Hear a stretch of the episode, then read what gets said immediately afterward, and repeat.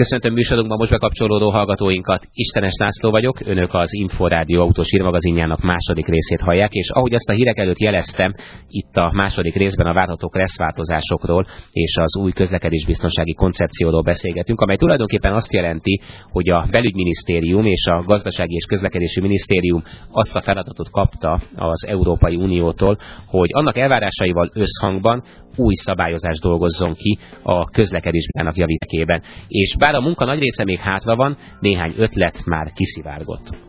Vendégem itt a stúdióban Karnel Miklós, az Autó 2 magazin újságírója.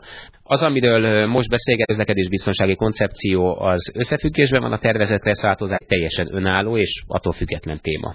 Azt mondhatom, hogy összefügg a, a kresszváltozással. Itt egy új koncepción dolgozik a, az állam, illetve az illetékes minisztériumok azt szeretnék elérni, hogy kevesebb legyen a, a baleset, de hát gondolom ez egyértelmű.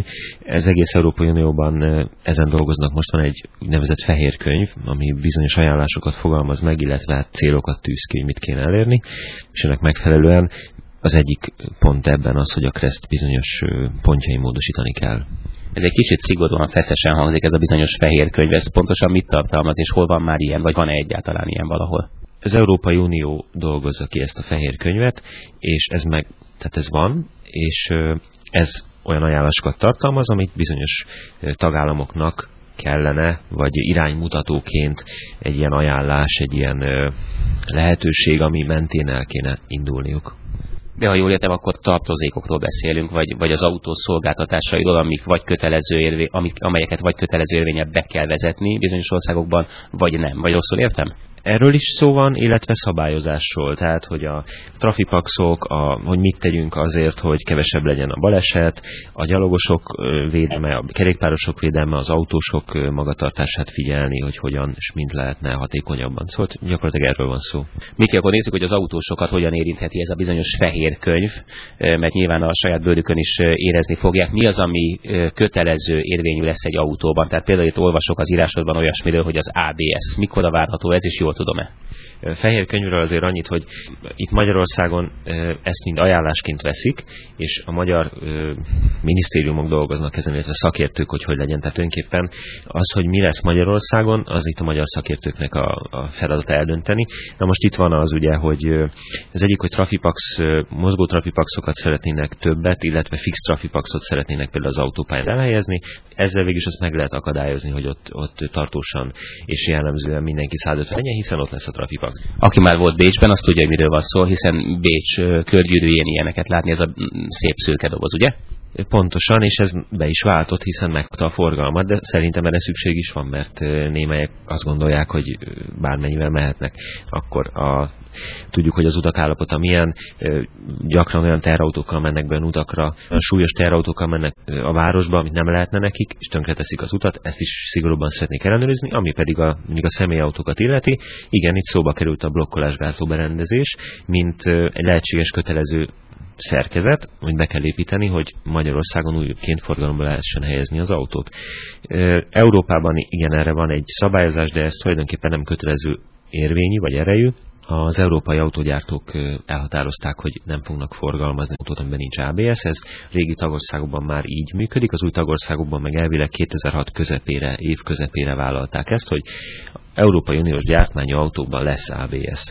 Most a kormány elé szeretne ennek menni, és ők azt mondják, hogy bár itt középkategóriás autókról van szó, amit én olvastam, ami mondjuk valószínűleg értelmetlen így, mert hát egy Opel Astra, meg egy Opel, meg egy, egy Volkswagen Passatnál ez már egy evidencia, hogy van benne ABS.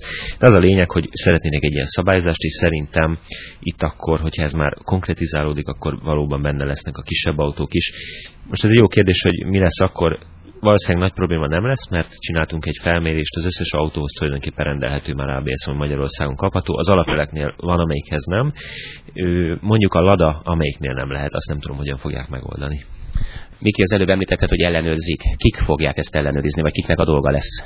Én azt hiszem, hogy akik eddig is csinálták, ugye a rendőrség egyrészt, másrészt összefognak a, a közlekedési felügyelethatásaival, és akkor mondjuk egy, kimennek mérőbusszal, a tengely súlyt ellenőrzik, egyéb olyan ö, akciókat csinálnak, amivel mondjuk rá tudják szorítani az autósokat arra, hogy szabályosan közlekedjenek. Miki szerintem manapság is számos dokumentum kiegészítő, illetve felszerelés van, amelyeket illik betartani, vagy be kell tartani, ezekre is figyelni kell az autósoknak. Itt a te írásodban tulajdonképpen kigyűjtötted, hogy mi az, amire leginkább érdemes figyelni, melyek ezek.